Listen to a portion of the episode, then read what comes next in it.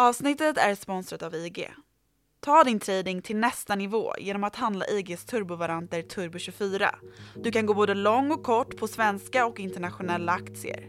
Med Turbo24 kan du handla aktier från åtta olika länder och runt 70 företag.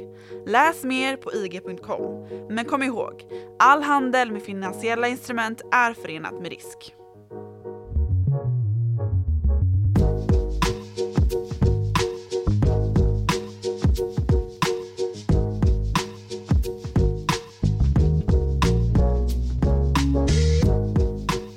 Kinesiska kommunistpartiets krafttag i ekonomin, där techbolag och deras chefer jagades med blåslampa under hösten 2021, kom i början av september att överskuggas av en akut skuldkris i fastighetsgiganten Evergrande Group, ett av världens i tillgångar räknat största fastighetsbolag. Plötsligt slogs rubriker upp om att Kinas Lehman Brothers-krasch stundade, att ett skuldhål skulle öppnas upp i den ekonomiska rymden och suga in världsfinansen i nästa globala kris just när pandemins nödläge började tona ut. Kina har, precis som många andra länder i världen, inte minst Sverige, en historia av kollapsande fastighetsbolag. Men hur har Evergrande kunnat bli så stort och farligt? I det här avsnittet av Follow the Money, en podcast om makt, storfinans och börsen av och med mig, programledare Martin Nilsson och utrikesredaktör Joakim Rönning frågar vi oss vad det egentligen är som händer i Kina. Om regeringen kommer kliva in och rädda Evergrande eller väntar samma utveckling som bedömare i världens finansmedier varslat om. Men först av allt, eh, Jocke Rönning, vill jag börja med att fråga, hur är det med gräddångesten? Uh, den är på bättringsvägen. Men inte helt över? Det var ganska bra idag. Vad skönt. För det har precis fått lite choklad och första koppen kaffe för dagen och sådär. Ingen ångest över det?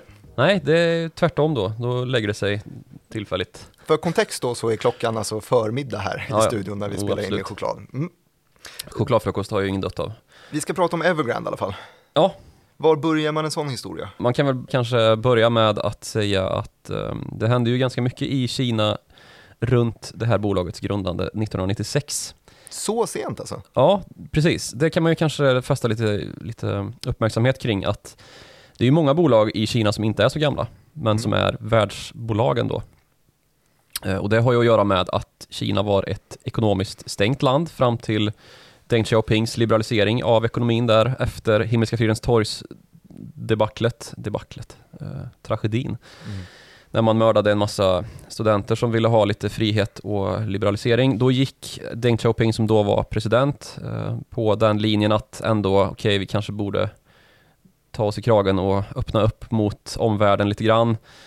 Och med det då så, så öppnade ju ekonomin och man började handla med världen och var ju ett låginkomstland som man kunde förlägga ut då en massa tillverkning på. Mm. Och här började det stora den stora exportsuccén för Kina ju. Det började rinna in pengar i landet och de här pengarna användes ju till att bygga upp det trasiga land som Kina var dessförinnan då. Ett liksom kommunistvälde som inte var särskilt välmående. Och um, med det så, vad det led så började ju en medelklass att växa fram. Ja. Och det här såg ju Evergrande då och dess grundare Hui Kaijan som han heter. Att uh, här kan man ju göra sig pengar. Eftersom att Kina kommer få en medelklass då såg ju han framför sig och började därmed att utveckla fastigheter.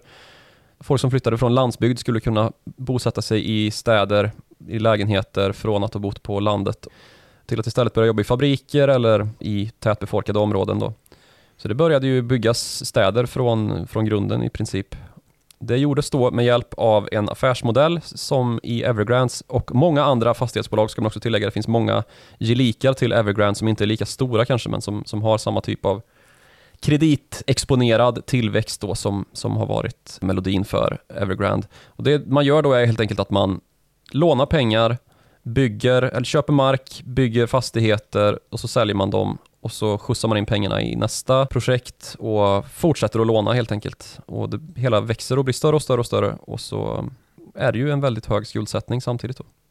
Och den gemensamma nämnaren för fastighetsbolag vet vi ju i sig att de då är ganska kapitalintensiva jämfört med mycket annat. Ja, det är en helt eh, egen kategori kan man ju säga. Eh, just för att man måste låna pengar och under så lång tid också, eftersom det tar ganska lång tid om man börjar med, om man är med i hela värdekedjan, först leta mm. upp marken, bearbeta den, få en planritning, så funkar det i Sverige i alla fall, och sen så eh, slänga upp en kåk där också innan man faktiskt kan få tillbaka sina pengar någon gång. Mm. Det dröjer ju ganska många år Och så har man ju väldigt mycket leverantörer här på vägen ju. Mm. Ehm, folk som de facto, det är inte alltid det så att fastighetsutvecklaren själv då, för det, det är ju vad Evergrande ska kallas egentligen, inte fastighetsbolag, för man siktar ju inte på att äga fastigheter utan mer eh, sälja dem. Mm. Så utveckla och sälja, men det är ju inte alltid så att fastighetsutvecklaren själv bygger, utan ja, det är väl undantaget snarare, att, att en fastighetsutvecklare också har byggbolag som, eh, som ingår i koncernen, utan det här är ju ett bolag som kontrakterar byggbolag som, som man då får skulder till ju. Och um, då är man ju helt beroende av att det kommer in likviditet när man väl kan sälja fastigheten då. När den är färdigbyggd. Och att det finns en efterfrågan och att man då kan täta igen de skulder som man plötsligt har fått då i form av eh, byggnation. Mm. Och att man då kan dra lite vinst och sen skjutsa vidare då. Och så växer man, får en allt större, eh, får allt större tillgångar både kassamässigt och i en portfölj då, när man har utvecklingsportfölj hela tiden. Då kan man ta lån baserat på det då. Det är lite så fastighetsbranschen fungerar efter att man har kreditavreglerat. Och det är ju någonting som man har gjort på, på många ställen i världen ju, inte minst i vårt eget land. Här har vi också drabbats av just den ska man säga, dynamik som kan uppstå då när man har avreglerat kreditmarknad och det plötsligt blir tillgängligt att låna ut till den här typen av bolag och att risken då går upp. Det är nästan lite, lite samma era, lite tidigare, eller hur? Det Bengt Dennis och Kjell-Olof Feldt som Ja, precis. avreglerar kreditmarknaden, Ja. brukar man i alla fall beskriva som starten för den här finans och fastighetskrisen som drabbades i början av 90-talet va? Ja, 90-94 brukar man väl säga att det var fastighetskrisen pågående i Sverige, eller finanskrisen. Och ja, att vi hade ju din favorithändelse i Just den ekonomiska världshistorien. När eh, Din Bengt stora idol Bengt i Dennis fick. ränta. Ja, Ja. Och. Bengt Dennis är alltså riksbankschefen på den tiden. Just den tiden. Nuvarande Stefan Ingves. Stefan, Ingves, ja. Ja. Ehm, och det som hände då var ju att man först då, Kjell-Olof Feldt, som du sa, finansminister på den tiden, och eh, Bengt Dennis då låg bakom att avreglera finansmarknaden. Man eh, tillgängliggjorde krediter så att de här bolagen kunde, alltså fastighetsutvecklarna och fastighetsfinansiärerna kunde börja göra affärer och bankerna låna ut pengar då till sådana här projekt som, som var det led, ja, blåste upp en fastighetsbubbla i Sverige. Då blir det ju att man liksom pantsätter fastigheterna som ska säljas mot att ta nya lån. Mm. När sedermera då fastighetsbubblan sprack så var ju de här pantsättningarna inte värda så mycket. Då var det ett par bolag, framförallt brukar man ju prata om Nyckeln, ett finans och fastighetsbolag som heter Nyckeln, som då kraschade. Mm. Och drog med sig en massa banker, jag tror de mest exponerade var Swedbank och SEB, eller dåvarande Sparbanken då, som Swedbank sen kom att ja, springa Byta namn från. Ja, precis. Men även flera andra då. Nordbanken var ju hårt drabbad och um, ja, det, det blev ju rockader på den svenska finansmarknaden som vi fortfarande ser resultatet av ju. Mm. Vi kom väl undan ganska så lindrigt ändå, även om inte alla rent personligt klarade sig undan. Det var ju många som blev, gick från att vara fastighetsmiljardärer till att vara, ja, stå på bar backe i princip. Mm. Och var oerhört skuldsatta. Det är ju så det ofta går i den här typen av historier, att ehm, när det väl kraschar, då gör det det rejält. Och då kan man ju titta på vad som händer i Kina och dra sig tillbaka dit då, för det är ju ändå där, på den arenan vi ska röra oss idag. Men jag blev faktiskt lite besviken när du berättade om aff- affärsidén för Evergrande Group här nu, för jag hade hoppats att det skulle dyka upp något lite kryddigare i stil med Terranos eller Wire Fraud som vi har pratat om tidigare. Eh, är det en helt sund eh, affärsmodell? Wirecard som jag kallade Wire Fraud, ja. Lite Exakt. putslustigt. Nej, det, jag vet inte. Man kan väl snarare prata om ett systemproblem i, i det här. Lite som det brukar bli när man gör den här typen av kreditavregleringar. Och om man tittar på Kina då och sätter det hela i sin kontext så, så har ju Kina under Xi Jinping, alltså den nuvarande presidenten, kommit att förändras och, och utvecklas, får man väl ändå säga, från, ännu mer ifrån den här planekonomin som Kina ju i grunden är. Och man har ju gjort stora avregleringar även fortsatt. Och om man ska liksom snabbspola fram till där vi är idag så kanske man ångrar en del av de här, eller att, att man har väl börjat se då att vissa aktörer drar för stor nytta eller överutnyttjar de här avregleringarna. Mm. Och då pratar vi om den här senaste tidens jakt på techbolag och eh, privatutbildningsföretag och nu här på morgonen, på, på onsdag morgonen så kom det en nyhet om att eh, nu har regeringen också börjat fatta intresse för kasinobolagen i Macao. Macao är ju en, eh, en ort som är betydligt, alltså det som Las Vegas är en lilleputt jämfört med Macao. Det är ju dit alla kineser åker för att spela. Spel är ju i övrigt förbjudet i Kina. Men att man då från regeringens håll nu har beslutat sig för att dra åt svångremmen då. Och på dagen då så faller ju Macaos kasinobolags aktier med 25% i Hongkong ungefär. Och det är precis samma typ av eh, slägga Ja, vi har sett mot techbolagen. Precis, och det sker ju så oerhört snabbt i Kina. Mm. Det sker ju i ett ögonblick liksom.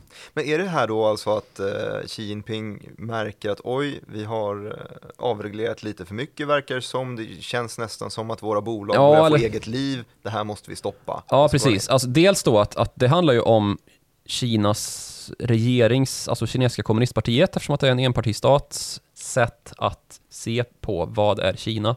Mm. Och att man vill inte tappa kontrollen över narrativet Kina. Liksom. Vad är det som är sant i Kina? Hur, eh, det här har vi gått igenom någon gång tidigare, ganska nyss.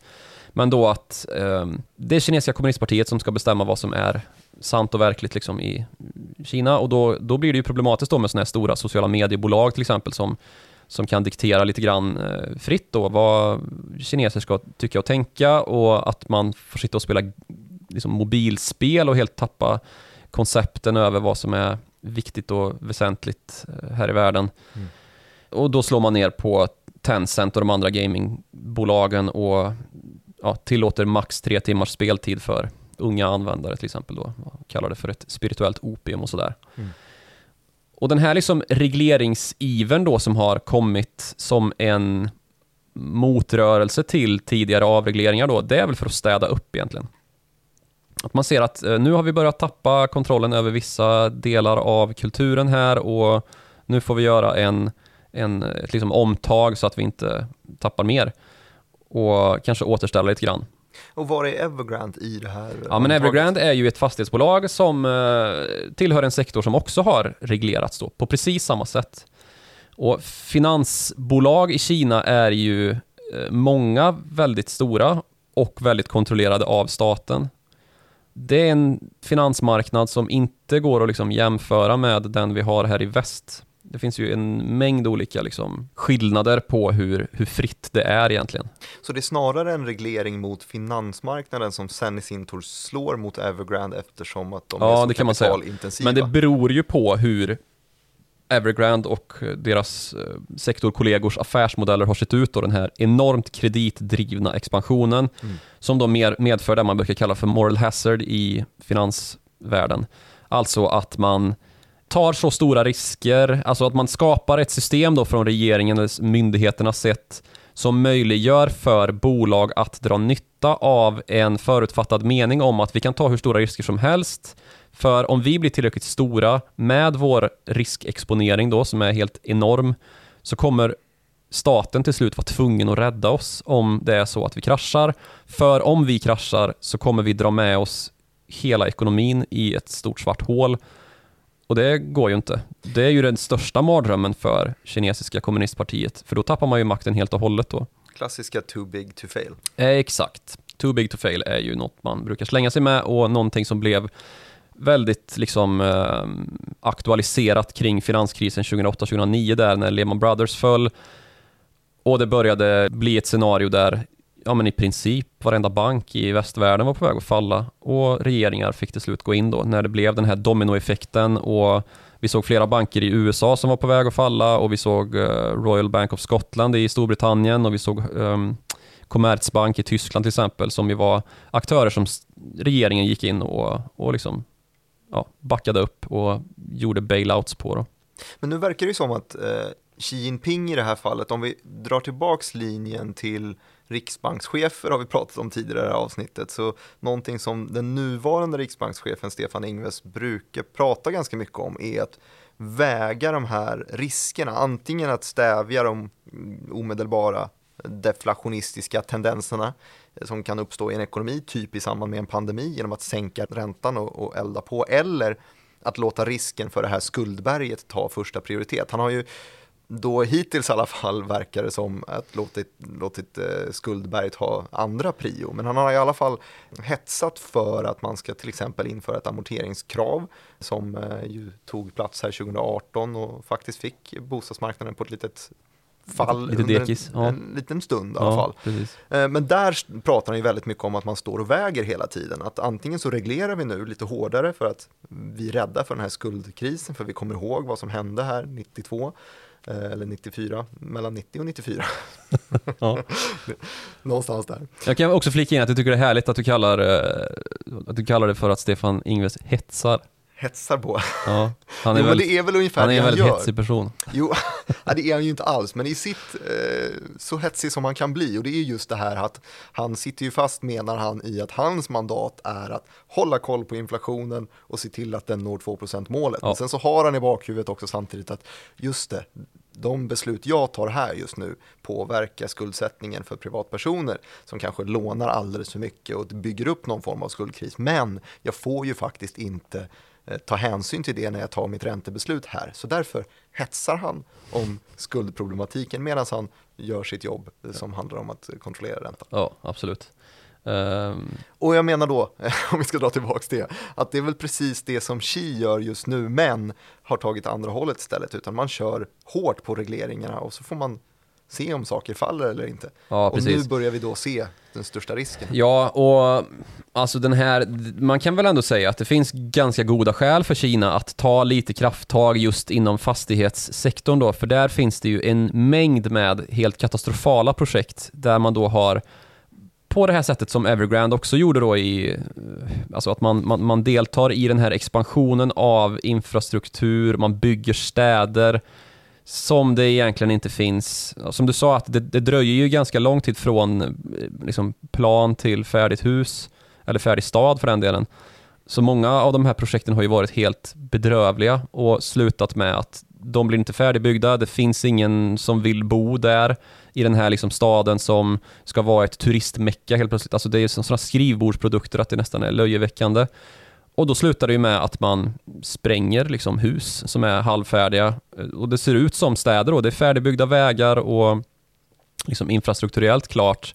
Men det är ingen som vill bo där, det finns ingen affärsverksamhet i staden, det är spökstäder liksom. Och det är när planekonomin har tänkt fel då, eller? Ja, det, det är någon, sorts- någon sorts liksom sammanblandning av planekonomi och en öppnad kapitalmarknad då, att det blir möjligt att bygga på det här sättet men samtidigt då att, ja visst, planen har ju varit att man ska ha en viss typ av verksamhet då som ska vara den här stadens levebröd, men det tog för lång tid och kanske det hände någonting i världen och eh, det var helt plötsligt inte så att det fanns en, en liksom efterfrågan och mätta överhuvudtaget och därför vill ingen bo där för det finns inga jobb och ja, sådär.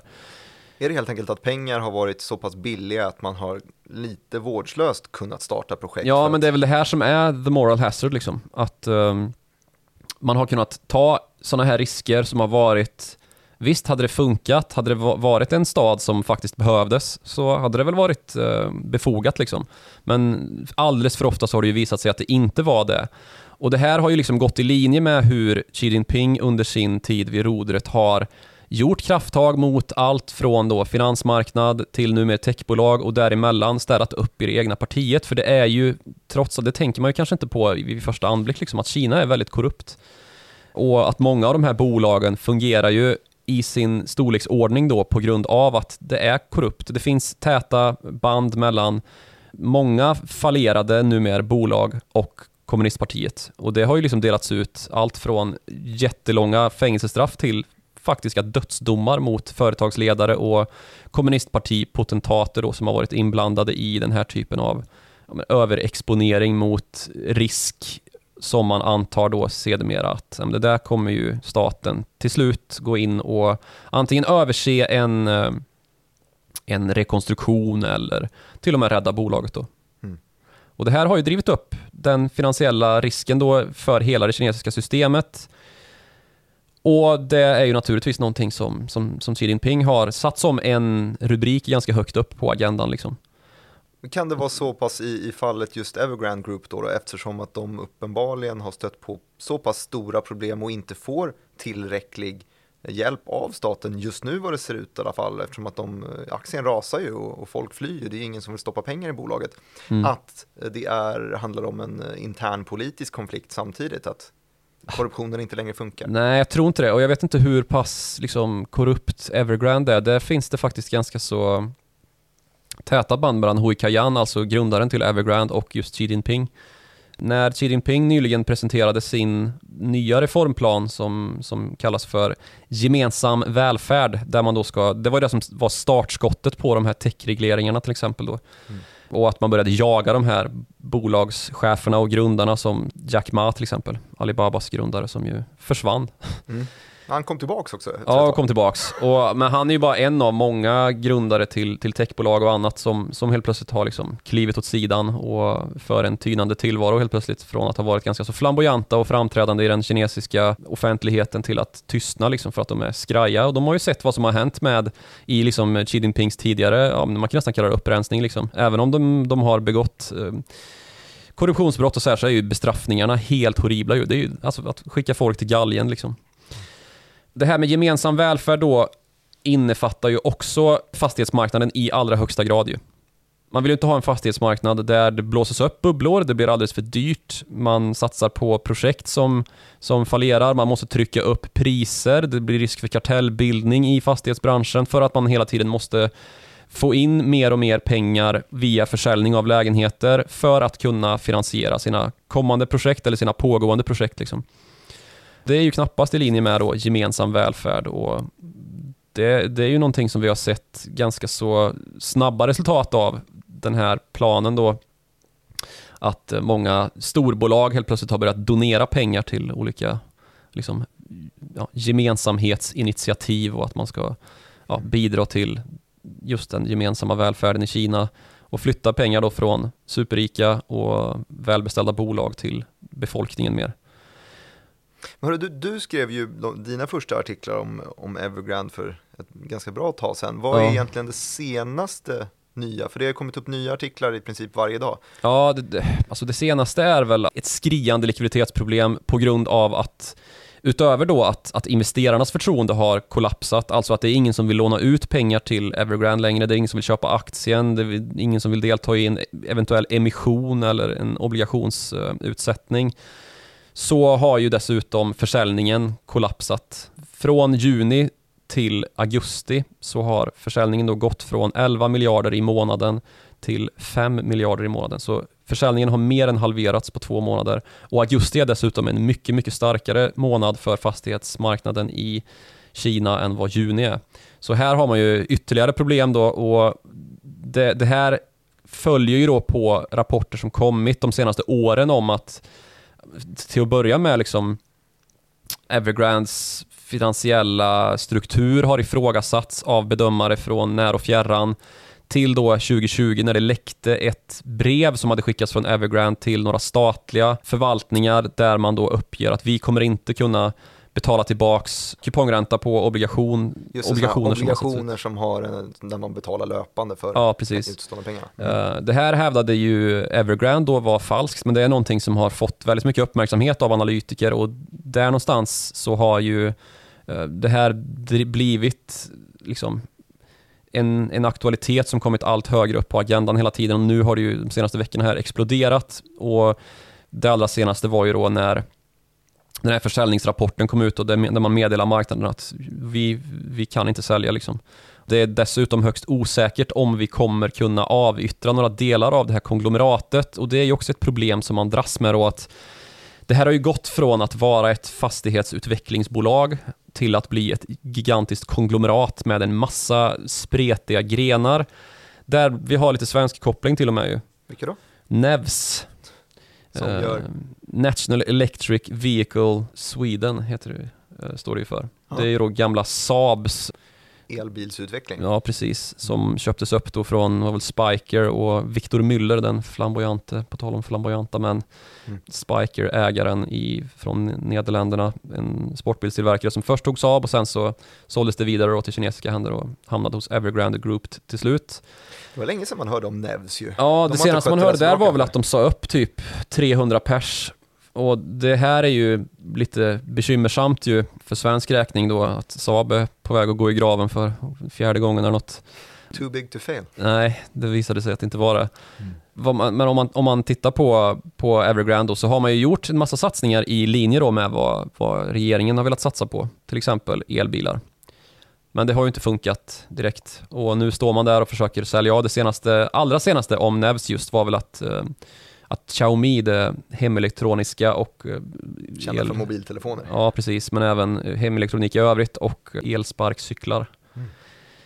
Det, det gick rykten om att de var intresserade av att köpa upp, men det är ju också ett stort problem nu då för Evergrande eftersom att det är ingen som är intresserad av att köpa någonting från Evergrande just nu, för man väntar ju istället då på att det ska bli en så kallad fire sale, alltså en En typ S3. Ja, precis. En likvidation då av tillgångar, att det här problemet ska växa ytterligare då, att likviditetsproblemet ska bli ännu mer skriande och att man till slut kommer kunna liksom plocka upp enheter ur det här konglomeratet till en billigare peng än vad som är möjligt just nu då. Att Mm. det är på väg att krascha helt enkelt. Men då låter det ju som att eh, just Evergrande har varit ett, ett problem som har hägrat där, ett skuldberg som har hägrat, som man vet att det här är, det här är ett problemområde och har varit Mm. det under en längre tid och sen så råkade det här sammanfalla med ja, men, riktigt dåliga försäljningsmånader Mm. samtidigt som en Xi Jinping är ute och stramar åt det mesta och kanske inte kan skjuta till eh, så mycket Nej, lättnader. Där har vi ju det här med moral tidigare hazard igen, liksom att eh, det går inte. Det har ju funnits tidigare exempel på det här, bland annat ett bolag som heter Anbang, ett försäkringsbolag som,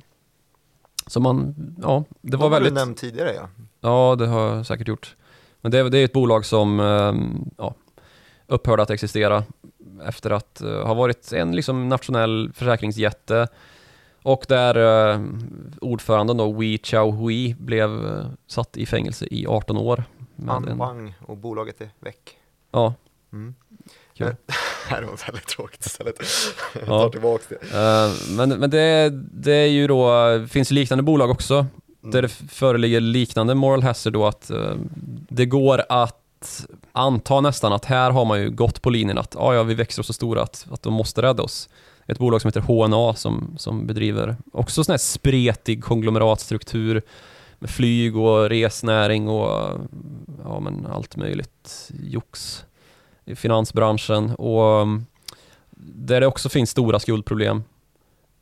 Men som man, alltså ska man rädda allting så det går inte heller. Men vilka initiativ har eh, staten tagit för att försöka sträcka ut en hand till Evergrande? Ja, det har ju då enligt rapporter i Bloomberg News i alla fall skickats då påstötningar från, eller påstötningar, order från finans, motsvarande Finansinspektionen i Kina till några banker som ju också är statligt ägda, så där har man ju mycket makt liksom. Det är ju, det är ju så det finansiella systemet kontrolleras egentligen.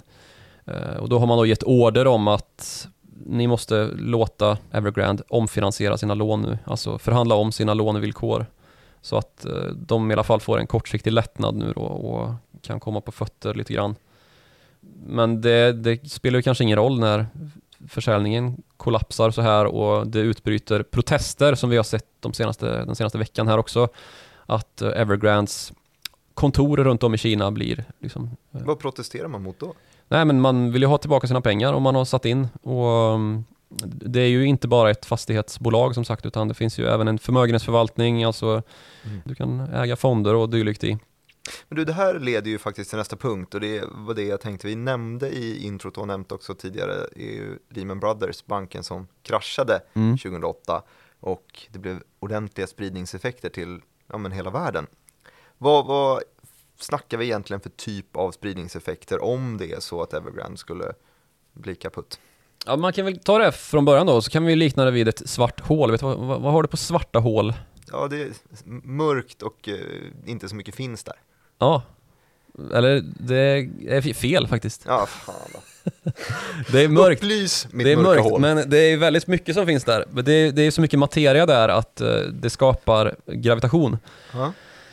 Och um, gravitation runt ett svart hål innebär ju då att det som kommer dit i dess omloppsbana och till slut i princip sugs in där och så växer det här svarta hålet och så blir det större och större och till slut så blir det omutligt att ta sig därifrån eh, om man har kommit in i dess omloppsbana.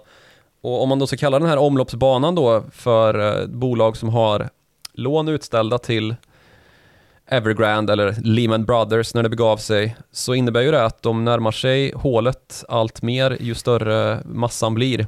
Mm. Det är ju så gravitation fungerar. Och när de väl sugs in där så, så utökas ju massan ytterligare och fler och fler hamnar i dess, eh, dess omloppsbana. Så svaret på min fråga om spridningseffekter är helt enkelt ja. Ja, eh, precis. stort. Men om man ska... Vilken allegori. Ja men ja, verkligen. Om man ska definiera vilka som, som är i farozonen så, så eh, har ju den här liknelsen då med Lehman Brothers dykt upp såklart. Att det här är Kinas Lehman Brothers. Mm. Vad tror du, tror du om det? Nej, men det, det tror jag låter väldigt sannolikt och det är bara en så liten sak som att bara för eh, några månader sedan så var det en amerikansk hedgefond som kollapsade, pytteliten i jämförelse med Eh, med Evergrande till exempel, som skapade chockvågor genom systemet just för att man var så ordentligt belånad. Man hade fått, fått backup av om det var Morgan Stanley och Nomura och de här och stora investmentbankerna. Eh, och när de sen då kollapsade på grund av dåligt hanterade pengar, eh, dåliga investeringar, så eh, föll ju även aktierna i storbolagen som är Morgan Stanley, Nomura och så vidare, Credit Suisse, rejält på det här. Och Ja, Credit, ja, Credit Suisse var ju jättehårt drabbade. UBS också, lite. Just det, Tufft. eh, men då är det då helt enkelt kopplingen där att det här är jämförelse en, en liten piss i rymden, om vi ska prata om rymden igen, med Evergrande, den här hedgefonden Archegos. Så därför tror tror jag absolut att spridningseffekterna blir kolossala om man låter Evergrande Group gå omkull. Mm. Men då har vi det här också med att Kina är ett väldigt annat land än vad övriga världsfinansen kanske är. Och det finns ju förmodligen, det är förmodligen så att det här går att stoppa betydligt tidigare än vad som blev fallet i USA då, där man ju, där ju regeringen lät Lehman Brothers krascha utan att bli hjälpta. Mm. Uh, Hank Paulsen, dåvarande finansministern, fattade beslutet att nej, vi låter Lehman falla. Och det fick ju de här enorma spridningskonsekvenserna då eftersom att Lehman Brothers är en bank. Det var kanske inte så många i den svenska offentligheten som hade koll på att Lehman Brothers är en, en investmentbank i, på Wall Street av den omfattning som det, det var ju. Ja, nej, namnet blev ju känt i samband med Ja, krisen, absolut. Lite så. Men det var också en bank och alla, alltså det vet vi ju sedan gammalt att alla banker är ju kopplade till varandra på något sätt, framförallt i västvärlden då. Här ser ju kopplingen lite annorlunda ut då. Eh, det finns väldigt många kinesiska finansföretag och eh, banker naturligtvis som, är, som har ställt ut, alltså köpt obligationer av Evergrande.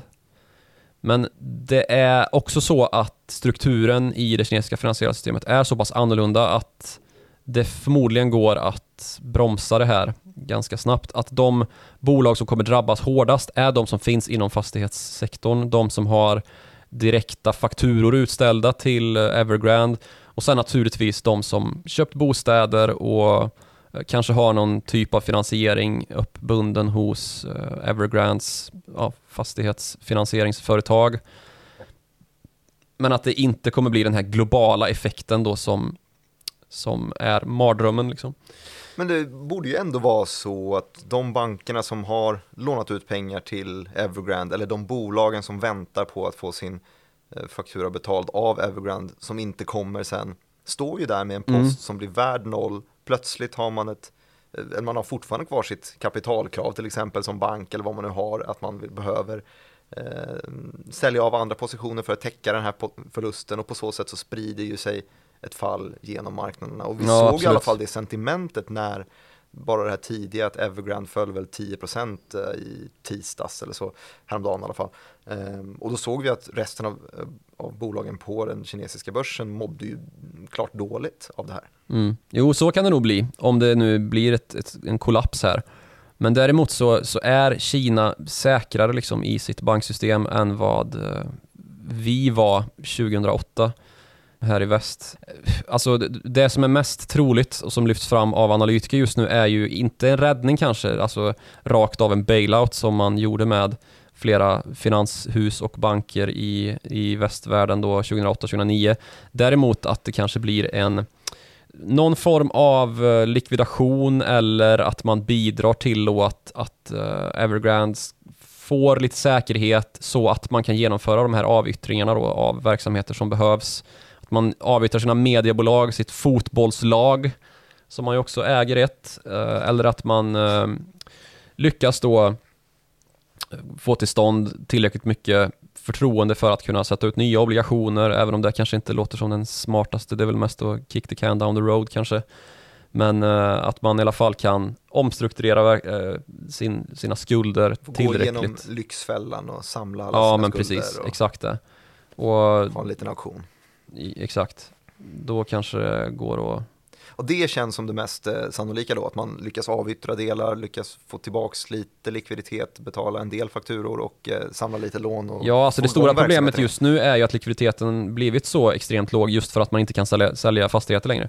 Den här negativa rapporteringen har ju inneburit att det är ingen som vill liksom befatta sig med Evergrande överhuvudtaget. Ja, just det, för företagsidén är ju som sagt fastighetsutveckling så det är väl ofta som man betalar en, en handpenning långt innan ens eh, ja, bostaden står klar. Exakt. Så då, då är det ju de här tre olika alternativen då, konkurs, avyttring av verksamheter och en omstrukturering eller att man får en bailout. Och där har vi det moraliska dilemmat då att eh, ja, då kanske HNA står och knackar på dörren fem minuter senare liksom att hallå, vi behöver också en bailout. Mm, och så dessutom så göder man ju den här idén då om att ja, men det, det går tydligen att, att köra på den här affärsmodellen då att man tar bara supermycket risk driver upp sin egen kreditrisk och um, därmed hela Kinas och så ja, tvingar man kommunistpartiet då att gå i precis motsatt riktning mot vad man har lovat. Mm. Och det kan nog inte kommunistpartiet liksom helt gå med på. Det blir nog svårt att genomföra och liksom gå emot sina värderingar så pass mycket.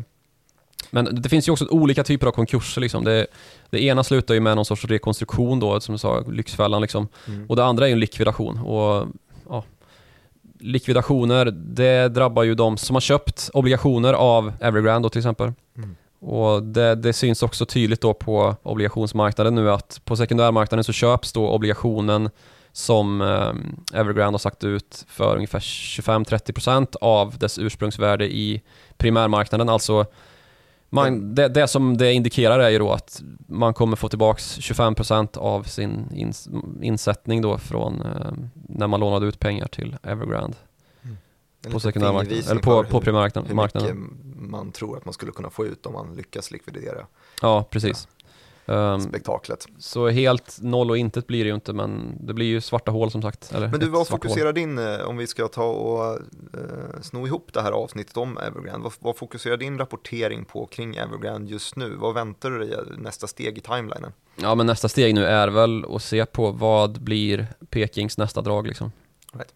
Um, kommer man på något vis gå in och garantera att, att man kan göra en omstrukturering kommer man liksom beordra företag, antingen eh, privata genom någon sorts ny reglering eller eh, via att man går in och tar lite ytterligare risk i det här med offentliga bolag för att det här ska gå liksom och släta över. Väljer man att liksom försena problemet genom att se över en avyttringsaktion eller kommer man låta det likvideras och genomföra en liksom ordnad auktion där inte så att säga liksom priserna på tillgångarna under, undervärderas och att det blir liksom en eh, predatorisk aktion utan mer en, en liksom aktion där, där tillgångarna säljs till sitt egentliga värde. Då blir det också liksom en, en minskad negativ effekt. Men som sagt, vi har ju sett bolag gå i konken av stor omfattning då som man med Anbank till exempel. Så det ska man inte alls hålla för osannolikt att, att det faktiskt blir så. Nu är det här större, men uh, det är lite, lite mindre formellt tungrot i Kina, för där går man in och gör saker lite direktare och snabbare mm. och um, har inte lika mycket bekymmer med jurister och långa rättstvister och sådär. Utan uh, det kan gå ganska snabbt också. Men det krävs väl nästan att det går ganska snabbt för just nu så står det ju Mm. leverantörer till Evergrande Group som inte får betalt. Och Nej precis, alltså liksom. bara i år så har man eh, 670 miljoner dollar motsvarande i kupongbetalningar. Nästa år så har man 7 miljarder dollar som ska betalas tillbaka. Så det här, eh, ja, om det blir veckor, månader eller år innan det här blir helt klarlagt vad som händer med Evergrande återstår att se men det, det är ju borde lösas ganska fort. det är nog någonting som man behöver ta tag i ganska snart ja.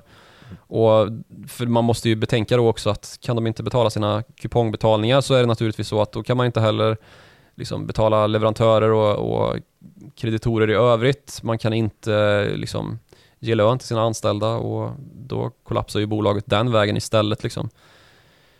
Så ja, vi får väl se om det blir försäljningar och man kan liksom få lite lite stöd från staten och kunna liksom avyttra på ett eh, lite schysstare sätt än som varit möjligt hittills.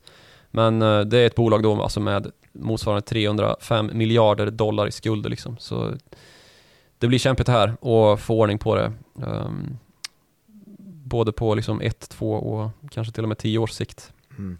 Det här var ju faktiskt resultatet av en kommentar på Twitter till din handel som är snabel Joakim Ronning efter att vi gick ut med och Ja, eller flera till och med. Det var många som ville höra om Evergrande. Det förvånar mig faktiskt. För det här är en sån story som har varit ganska sömnig ändå här i västerländsk kontext. Den är, ju, något- den är väldigt kryddig tycker jag. jag tycker Ja den, den, har mycket. ja, den har ju blivit allt mer kryddig också.